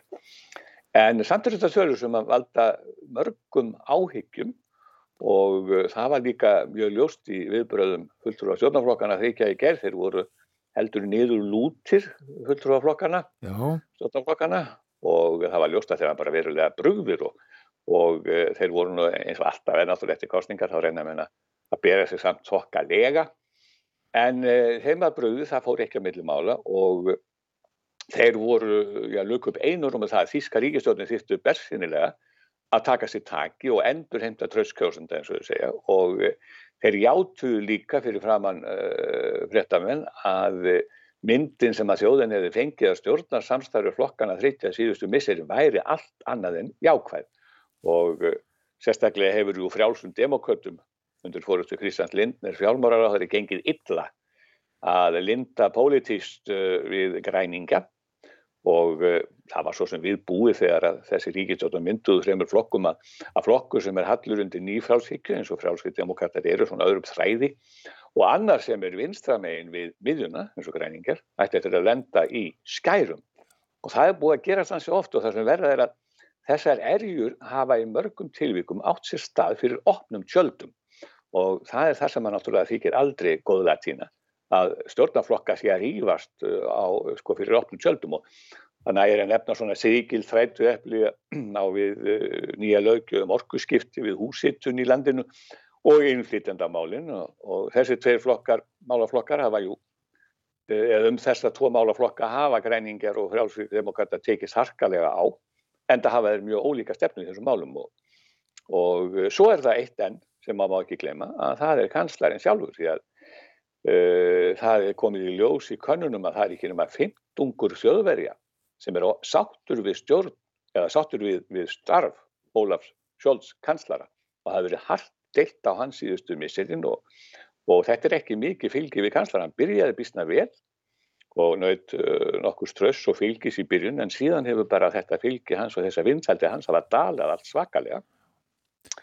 Og uh, svo er líka Nancy Faeser svo höldum okkur við Hessen að hún, innaríkisaður, hún var í forsvari fyrir, fyrir uh, jafnaðarflokkin í Hessen og uh, hún skilaði, eins og ég nefndi, verstu uppgjöru fyrir, fyrir jafnaðarflokkin frá upphafi í fylginu og og hún heldur sann sem áður áfram bara sínu starfi sem innaríkisöður og margir er nú ósáttu við það, segja Ólaf Sjólds að refsenni fyrir þessa slæliðu framistöðu en hann ætlar að halda henni áfram í ríkistöðun þannig að þetta er, eh, það eru svona hún er náttúrulega, hún er auðvitað talsmaður stjórnarinnar í málumnum innflýtenda og hælisleitenda. Um þau ætlum við að tala uh, sérstaklega en uh, áðurum við komum að því Arþó Björgun hefur kanslarinn tjáð sig um þessi kostninga áslit sérstaklega í Hessen Já, já, hann hefur gert það en uh, hann gerir það á sín sjálfska hátt sem við getum kallað, þetta er nú nýtt uh, lýsingar á íslensku að um, tala um sjálfskan hátt en, en allavega þá uh, hefur hann gert það og hann hefur einfallega bara sagt og sagði eftir kostningarnar að menn þýrst að taka sér takið, það var það sem ég var óbeinda vitni í hraðan og það var í ljóst að, að stjórnin þýrsti að endur nýja trösti sem hún hefði haft í byrjun eftir kostningartar síðustu og hann er, sko, Ólaf Scholz er ekki maður mikillega gífur í það svo að vakt setur orða tekið. Hann eh, fer sér afskaplega hægt og ég kemst nú ekki hjá því ofta að finnast hann minna mig á Angelu Merkel fyrir rennara sinn í, í þessu hlutverki. Mm. Því að uh, hann var náttúrulega hægri á hönd hennar í marg ár uh, sem leitt og jafnamanna í ríkisöndinu og með henni, með Kristilugum og eh, ég, og margi ekki, ég heldur fjöldi annara sem fylgist með þessum stjórnmáli hér hafa svona haft á orði og hafa haft á tilfinningunni að hann hafi lært meira af Merkel og hennar stjórnar stíl heldur sem góðu hófi gegn. Það er einmitt það. Tölum þá um uh, það sem að, já, má segja að sé mál máluna og það eru uh, flótamannamálin eða, eða innflytjandamálin. Já, það er svo sannarlega hægt að kalla það eða þau mál mál málana hér því að um þau hefur staðið gríðalegur stýr og það er reyninni sko komin tölurverður klopningur í sjóðina má segja út af þessu málum. Þetta byrjiði nú allt saman með síðasta flottamannabilgjan, hún fór nú þokkarlega á stað hér en, en svo hafa málin, uh, málin snúist og uh, á þess að fara að þræða alla þessa löngu sögur sko. Flottamannavandin er ekkit nýmæli hér í Ískalandi Og það má segja bara að þetta hafi byrjað strax þegar Þíska stjórnarskáðin var samþýtt árið 1949 eftir stríð. Þegar Þíska samfallífveldi var stopnað þá voru fjögur orð í eh, nýju stjórnarskáðinni sem átti eftir að verða mjög örlega rík og þar stendur nefnilega í 16. grein Politisk för folktegenisen asyl, nú rekka, rekka margir þýrkunni margir hút, það er maður að segja, en þetta þýðir sem sagt eh, þeir sem að verða fyrir politískum ofsóknum njóta hælis. Já. Eh, það er einfallega þannig og næstu 30 árum var þetta svo sem allt í lægi því að það reyndi ekkit á þess að grein, það voru ekki um 100.000 mann sem sóttu um pólitíð þæli hér í Þískalandi og það var ekki fyrir ná 8. áratögnum sem að bátafólkið eh, kom frá Suðaustur Asíu sem að fóra, fólk voru að streyma hingað þegar bátafólkið kom. Og fyrstu árum voru þetta ekki nema 100.000 hælisleitur ári en, en Balkanstríðin breyttu þessu því að þá voru fjöldi hælisleitend allt í unni upp í 400.000 ári og helmingur allara þeirra sem að sóttu um hæli í Evropu vildu koma til Þískanans og þetta var sem sagt uh, fyrsta flótamannabilgjan og uh, ef maður rífið það össun í östutum álega þá þá uh, muna menn nú muna langt aftur eftir því að það voru gerðar árásur af flótamannahæli hér í landinu og republikanaflokkurinn komst inn á nokkur fylgi síng, hann er nú svolítið glemdur núna en sagan endur tekur sig því að republikanaflokkurinn hafði á sínum tíma mjög svipaðar stefnuská eða mjög svipaðar stefnu skulum við segja og svipaðar hugmyndir eins og, og uh, alternatífi fyrir Deutschland hefur í dag. Og svo var það 1993, þá tók Þíska stjórnin í tveimann og bætti við greinina nr. 16 í stjórnarskanni, 16a, þar sem að var tekið fram eins og var ekki kannast við að ríkinu og vesturlöndu við það, að bara þeir sem að koma frá löndum, þar sem þið þurfa óttast ofsóknir eigi rétt á politíska hæli. Og svo kom Schengen og svo fór þetta alltaf mann að breyta sig sem minn vita en. En bursið frá sögunni að þá hérna þá er það þannig að, að óanægjan hér er til dæmis e, með það að hælisleitun Þískaland eins og, og stjórnarnarstæðan segir Þískaland er að lokka til sín hælisleitundur og hvernig? Jú, vegna þess að þeir njóta í rauninni samkvæmt því sem að menn halda fram ég hef nú ekki gæst kunn á því en þetta er þess að haldi fram hérna af, af stjórnarnarstöðunni, þá njóta hælisleitundur miklu meiri fríðinda og miklu meiri velfarnaðar og meiri þjónustu hér í Þískalandi en í öðrum Evropalöndum. Uh, til dæmis er það þannig að, að hælisleitundur er rétt á öllu, allri sömu þjónustu og, og, og, og hérna, innfættir í áttján mánuði það er að segja borgaralönum, húsnæði, styrk og sjúkatryggingu sem að dæmi séu nefnd og, og það er annað sem að mennurum ég reyður út af hér og það sama gildi fyrir þá sem búið er að vísa á landi. Ég held að þetta hafa verið svolítið mála á Íslandi líka þannig. Það er þess að nefna það sko og núna eru um 300.000 manns í Þískalandi sem er búið að vísa á landi en eru ekki farnir því að það er viðrann á Íslandi sem er efriðt að framfylgja þessum, þessum lögum. Og síðan Sko um, er það þannig að, að, hérna, að e, í kjölfarstíðsins í Sýrlandi náttúrulega 2015 þá kom alveg svakalega mikil uh, flottabílga manni hingað en Úkrænu stríði náttúrulega það, það setti hér allt úr skorðum og, og kom bara miljón manna frá Úkrænu hingað og, og uh, þetta hefur allt saman uh, sko æst upp þessa miklu deilur og, og það má heldur ekki glema því að Þískarland fór eins og mörg önnurlönd svona frekar illa út úr faraldinum, heimsfaraldinum og hér til dæmis ríkir í mörgum borgum og hér eru mikill húsnæðisskortur og, og þess vegna hafa sveitafélagin bara hreinlega átt erfitt með að taka þessu mikla fjölda. Þetta er ekki vegna þess að þessi óvilji, menn vilji ekki hjálpa hælisleitendum en, en mörg sveitafélag bara hvart undan því að þau séu komin algjörlega þólmörkum. Þau ráðu bara ekki við meira. Og hvað á að gera ef ekkert húsnæðið lengur er til fyrir fólki, það er náttúrulega, það er ekki að láta það búið tjöldum og það býr náttúrulega flott að menn búa hér viða í svona einhverjum svona gámum. Og uh, ég var nú einmitt nýri í bæ hérna á dögurum að fór nýri í miðbænum og þá eh, ekkert langt frá miðbænum gekk ég allt í hérna fram á svona gáma hverfi það var lokað af og uh, það er viða hér um, í Þískarandi það, það eru svona gáma hverfi sem eru bara lokað af það sem eru búa og og svo er annað að Evrópussambandinu hefur gengið illa komast að samkóðulegin það hvernig eigi að dreifa þessum mikla fjöldaflótamanna á ríkin í álfunni.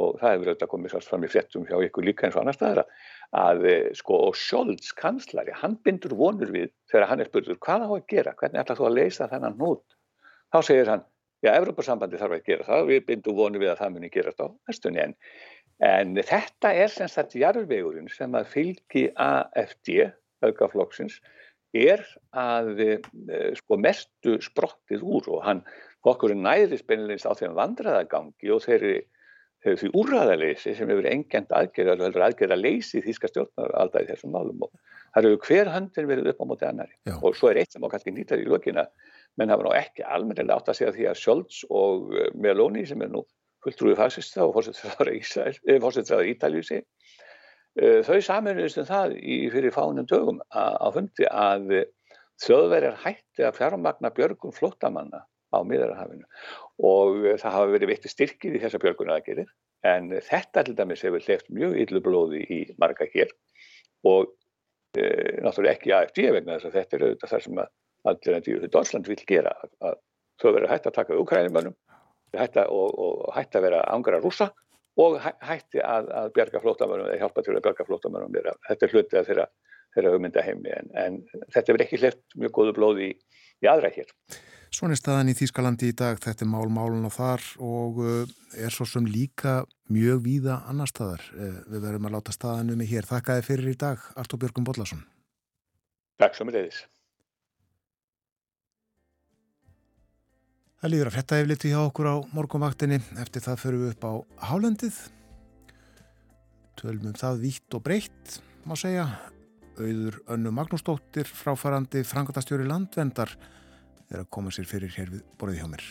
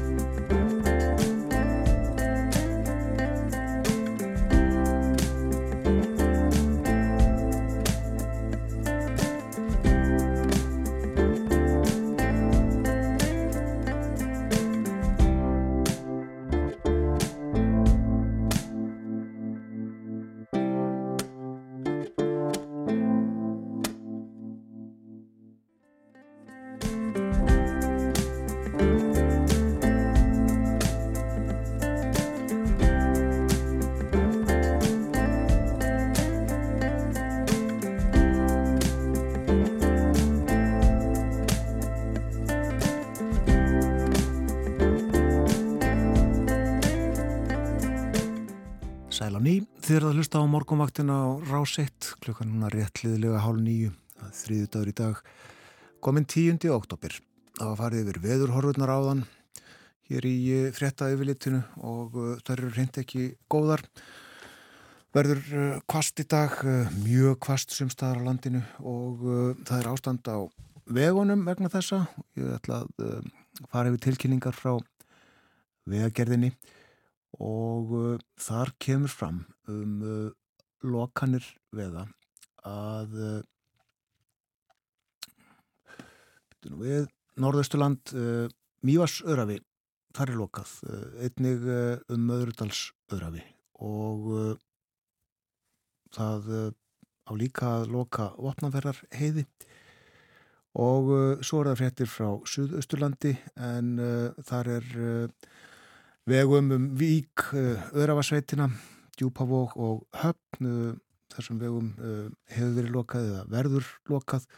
Frekari upplýsingar er að finna á vegagerðinar, vegagerðin eða umferðin.is. Já, kvast í dag. Haustið komið, jafnvel, veturinn, eftir því hvernig við lítum á það. En uh, nú ætlum við hér næstu mínútur að spjalla svolítið um landið okkar, um uh, vernd þess, um hálendið sérstaklega. Tilefnið er Hálendis hátíð landverndar í Yðnó í Reykjavík annað kvöld og starfslokk auðar önnu Magnúsdóttur sem verið hefur frangatastjóri landverndar í tæp 6 ár. Velkomin í þáttin. Takk fyrir. Já, þú tókst í starfinu þegar uh, forveriðin Guðmundringi Guðbrandsson sagði upp og varð umhverfisráð þeirra. Uh, hafa þetta verið góð ár? Þetta hafa verið alveg frábær ár. Uh, svakalega erfið en alveg rosalega skemmtileg og ég hef lært ótrúlega mikið og kynst svakalega mikið á góðu fólki eh, og svona fengið að reyna á mig eh, alveg til hins ídrasta. Hauðið góð tengsl inn í ríkistjórnina í gegnum umhverfisráðurann? Nei, ég, við höfum eiginlega engin tengsl. Eh, hann er, hann, Guðmundur Ingi er mjög vandur á verðingu sinni þannig að hann passaði mjög vel upp og að það varu eh, engin óeðleg samskipti og, eh, líklega gengum við bæðið of langt í að hérna hafa mjög skýra línu á millokkar. Það bytnaði eiginlega á landverndi og að, já, að hann var, frekar, sko. var ráð þeirra. Já. já, akkurat. En uh, já, uh, Hálendis hátíð uh, og Hálendið, þetta er baróta því segið að, að það sé sótt að Hálendinu. Hvað er við með því? Já, það er sótt að Hálendinu núna eins og hefur verið undanfarna áratögi. Það eru miklar hugmyndir um uppbyggingu þar fyrir ferðarþjónustu Eh, uppbygging gistiðaðstöðu og jafnvel hótela. Eh, það eru hugmyndur um uppbyggða vegi og hálendið er mjög viðkvæmt og það þólir ekki mikla umferð, það þólir ekki að verða gert að einhvers konar Disneylandi eh, Íslands. Sérstæða þess fælst í því hvað er erfitt að fara þar um hvað eru fáirðar og hvað þú getur upplifað mikla nándu náttúruna í svona tiltölulega mikill einveru. Síðan eru náttúrulega miklar hugmyndir um virkjanir, frekari virkjanir sem að um, hafa alltaf verið eða, eða undarfarna áratví upp á borðinu og eru ennþá sterkari núna, krafanum þær. Þannig að við teljum mjög mikilvægt að við revjum upp hvers vegna hálendið er mikilvægt í hugum allra Íslendinga sem að það er. Vilt þú að uh, ekki verið hreiftu neinu á hálendinu? Eh, helst sko. Eh, ég vil reyndar að það verði stofnar þjóðgarður eh, á Hálend Íslands sem að tryggir góða umsjón með Hálendinu þannig að sem flestir geti farið ánga og notið þess án þess að ganga á verðmætin. Eh, það eru tölverðar breytingar en eins og hlutinir eru núna þá er í raun ekkert eftirlit. Eh, það er í raun enginn sem að bera ábyrð á því að passa upp á Hálendið þetta er svona svolítið vilt af vestrið og við viljum fá e, gæslu e, þannig að e, hálendið, það sé einhver sem að passa upp á hálendið, þá er miklu auðveldara að taka á móti fleira fólki á hálendið. En get ekki fleiri notið þess ef að e, veginnir eru betri en þeir eru í dag? Fleiri geta notið þess, vissulega, eh, en þá er spurning hvað það er eftir til að njóta þegar við erum komið með uppbyggðavegi, malbyggaða, mikla umferð.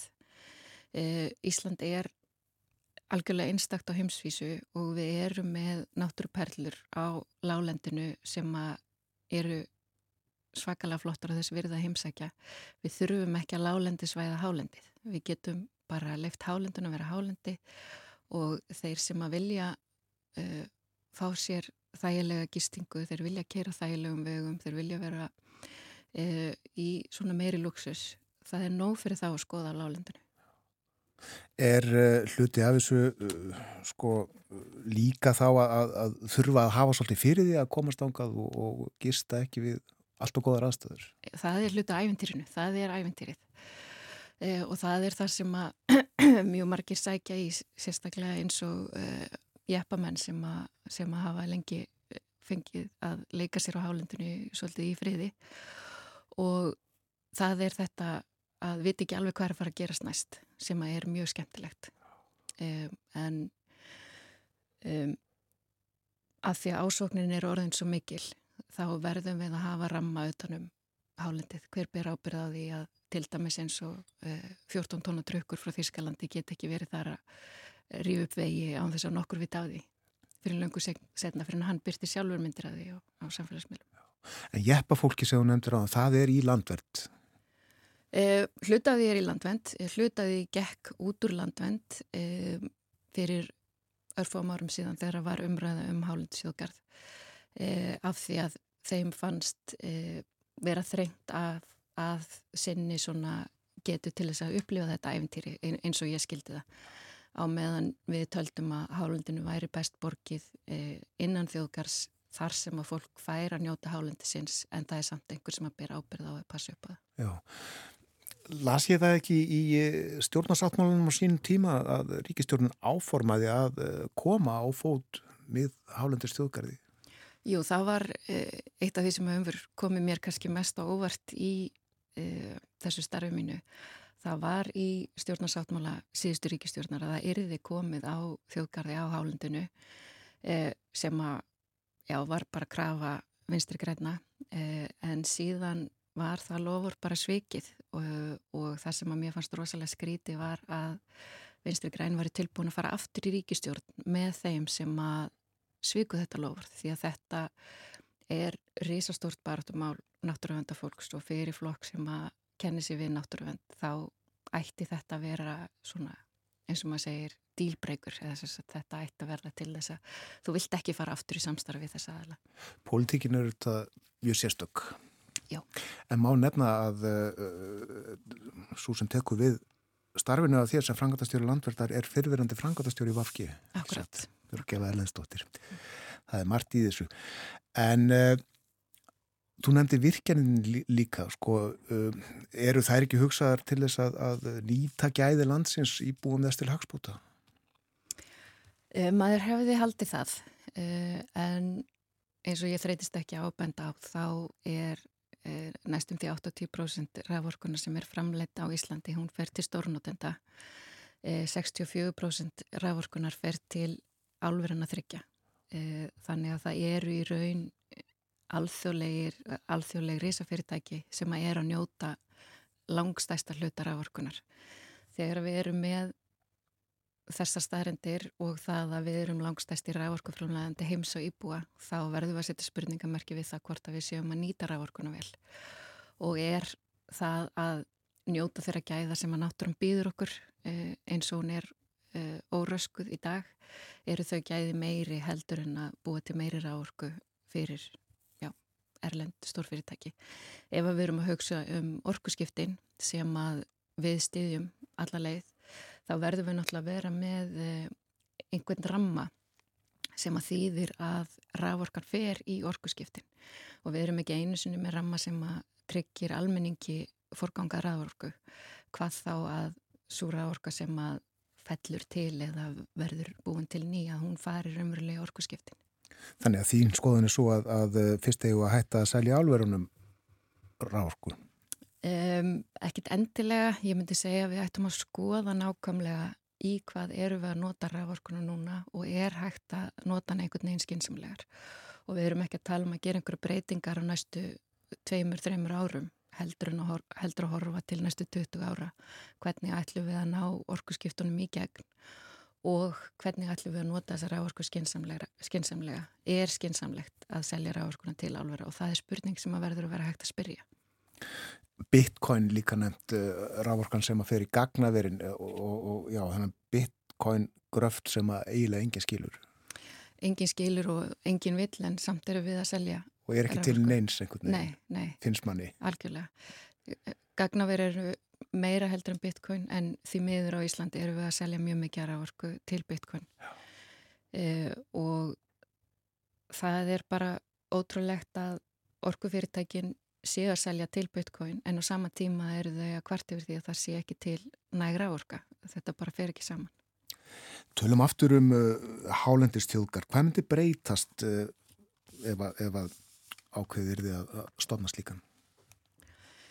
Eh, það sem að myndi breytast eh, er að það væri eh, ofinbær aðili sem að ber ábyrð á því að tryggja það að það verði ekki gengið á öðlindir hálendisins. Það þýðir það má ekki fara í framkvæmdir, það er eðli þjóðgarða, það má ekki fara í framkvæmdir innan hans sem að ganga gegn vendarmarkmið. Og vendarmarkmið þjóðgarða felast í náttúru menningamennjum en líka því að tryggja almenningi aðgengi.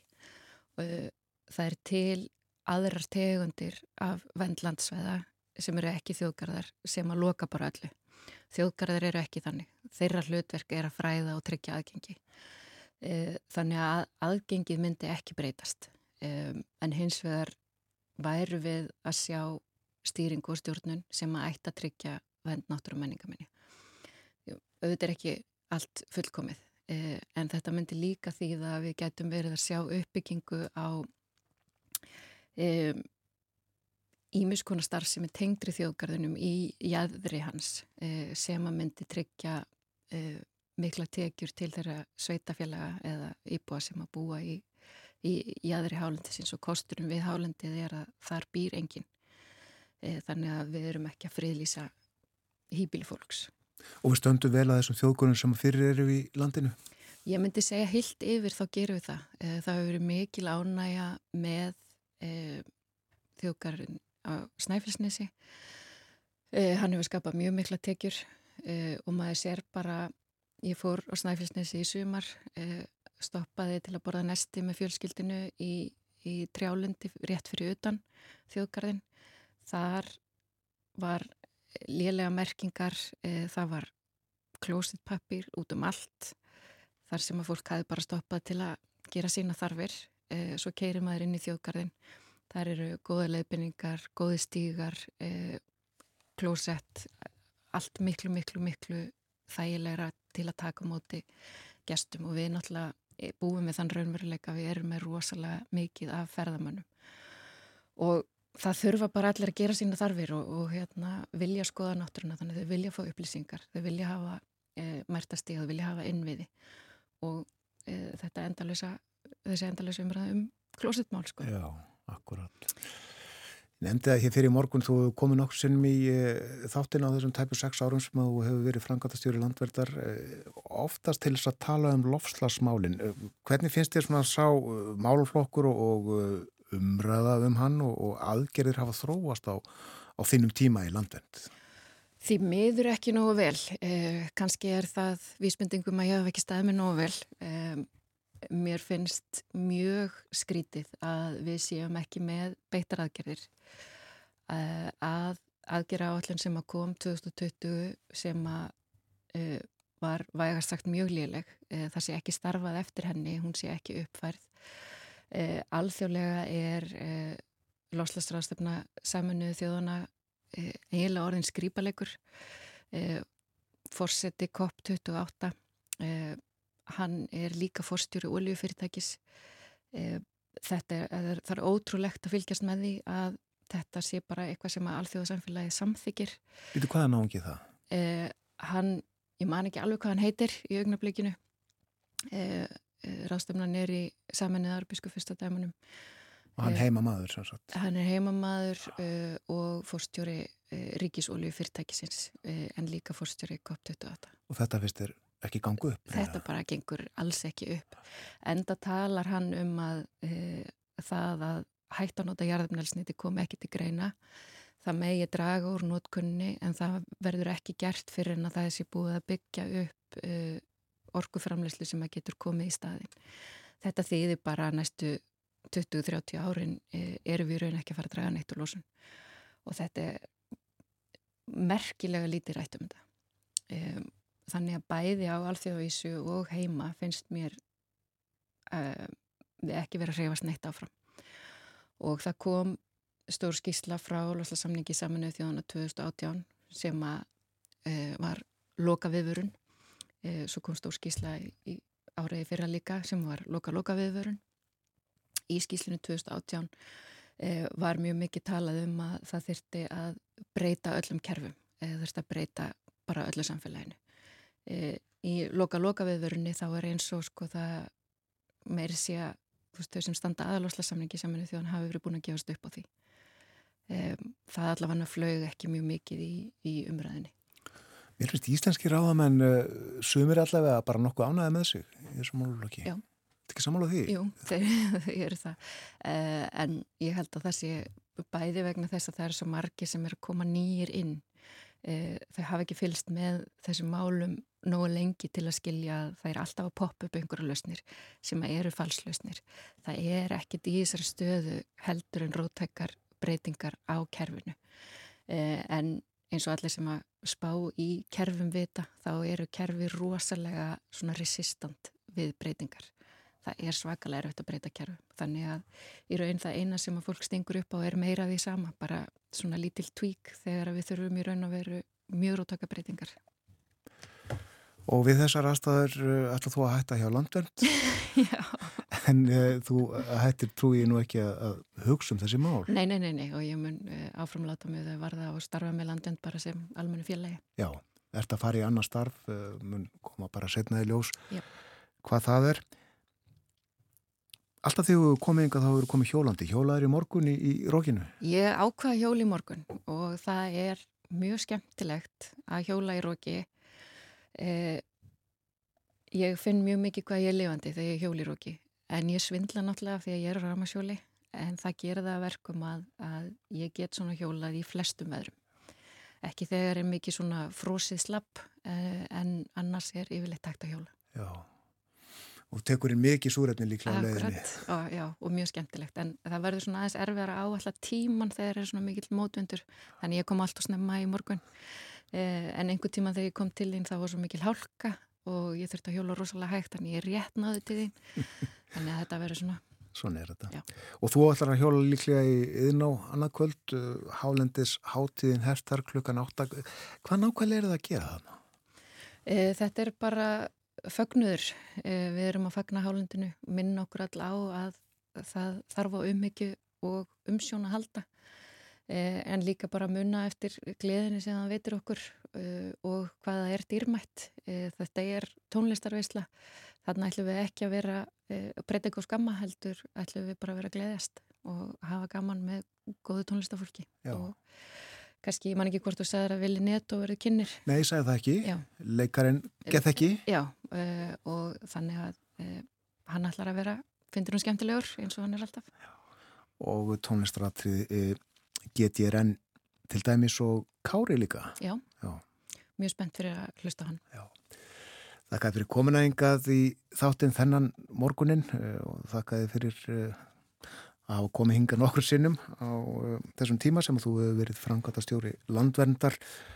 Gangiði vel nýju starfi. Takk hjálpa fyrir. Auður Önnu Magnúsdóttir fráfarandi frangat að stjóri landverndar. Já, Hálendis háttíð í yðin og í Reykjavík annarkvöld. En uh, aðeins að uh, deginum í dag, uh, það er kvast og verður sangkvæmt spáni. Engvað síður mun fara fram fótbolltalegur á hlýðarenda á Órigó vellinum hefst klukkan 6, klukkan 18 og það er svona þetta kvennalið vals sem að er að leika í undan keppni, riðlakeppni meistaradeildarinnar í fótbolta og uh, anstæðingurinn er lið frá Östuríki, heitir Sankte Pölten og er uh, öflugt lið, skilst mér, uh, hefur til dæmis komist í þessa riðlakeppni meistaradeildarinnar gerði það í fyrra og líka árið þar á undan og komst þá í 16 liða úrslit, hörkulið sem sagt, en Valur er líka hörkulið og uh, þeim gengur vonandi vel, þeim rauðklættu á hlýðrenda Óriko vellinum í dag klukkan 18 og uh, þau eru sniðu í val, þau uh, bjóð upp á kjötsúpu fyrir áhörvendur í kvöldanum.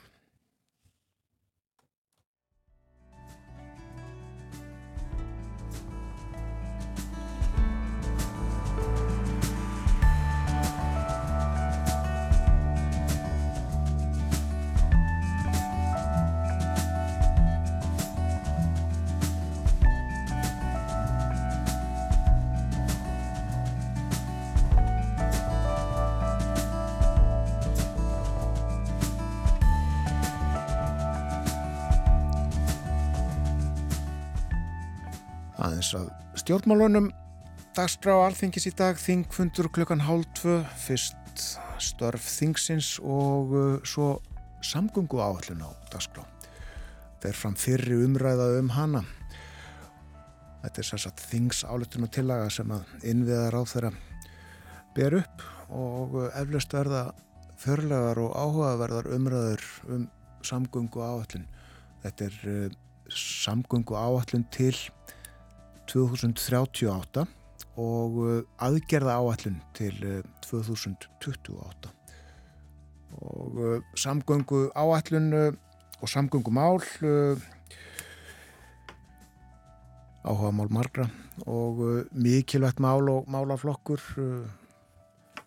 síðast voru samgöngumálinn til umfylgnar hér í þettinum í gerðmorgun þegar við töluðum við Lilju Magnúsdóttur Ottvita Tálknafjara sem að Uh, stefnir að því að saminast vestubyggð en uh, stóra málið í þeim saminningarmálum öllum eru einmitt uh, samgöngumálin. Þetta er bara svona nærtakasta dæmið um samgöngumál sem verið hafa til umræðum hér á morgunvaktinni.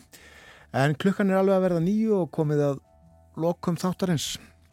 Ég heiti Björn Þór Sigbjörnsson og hef settið hér síðan fyrir sjö í morgun Þátturum verður á sínum staði í fyrramáli við bjóðum góðan dag þegar klukkunum vantar tíu mínútur í sjö.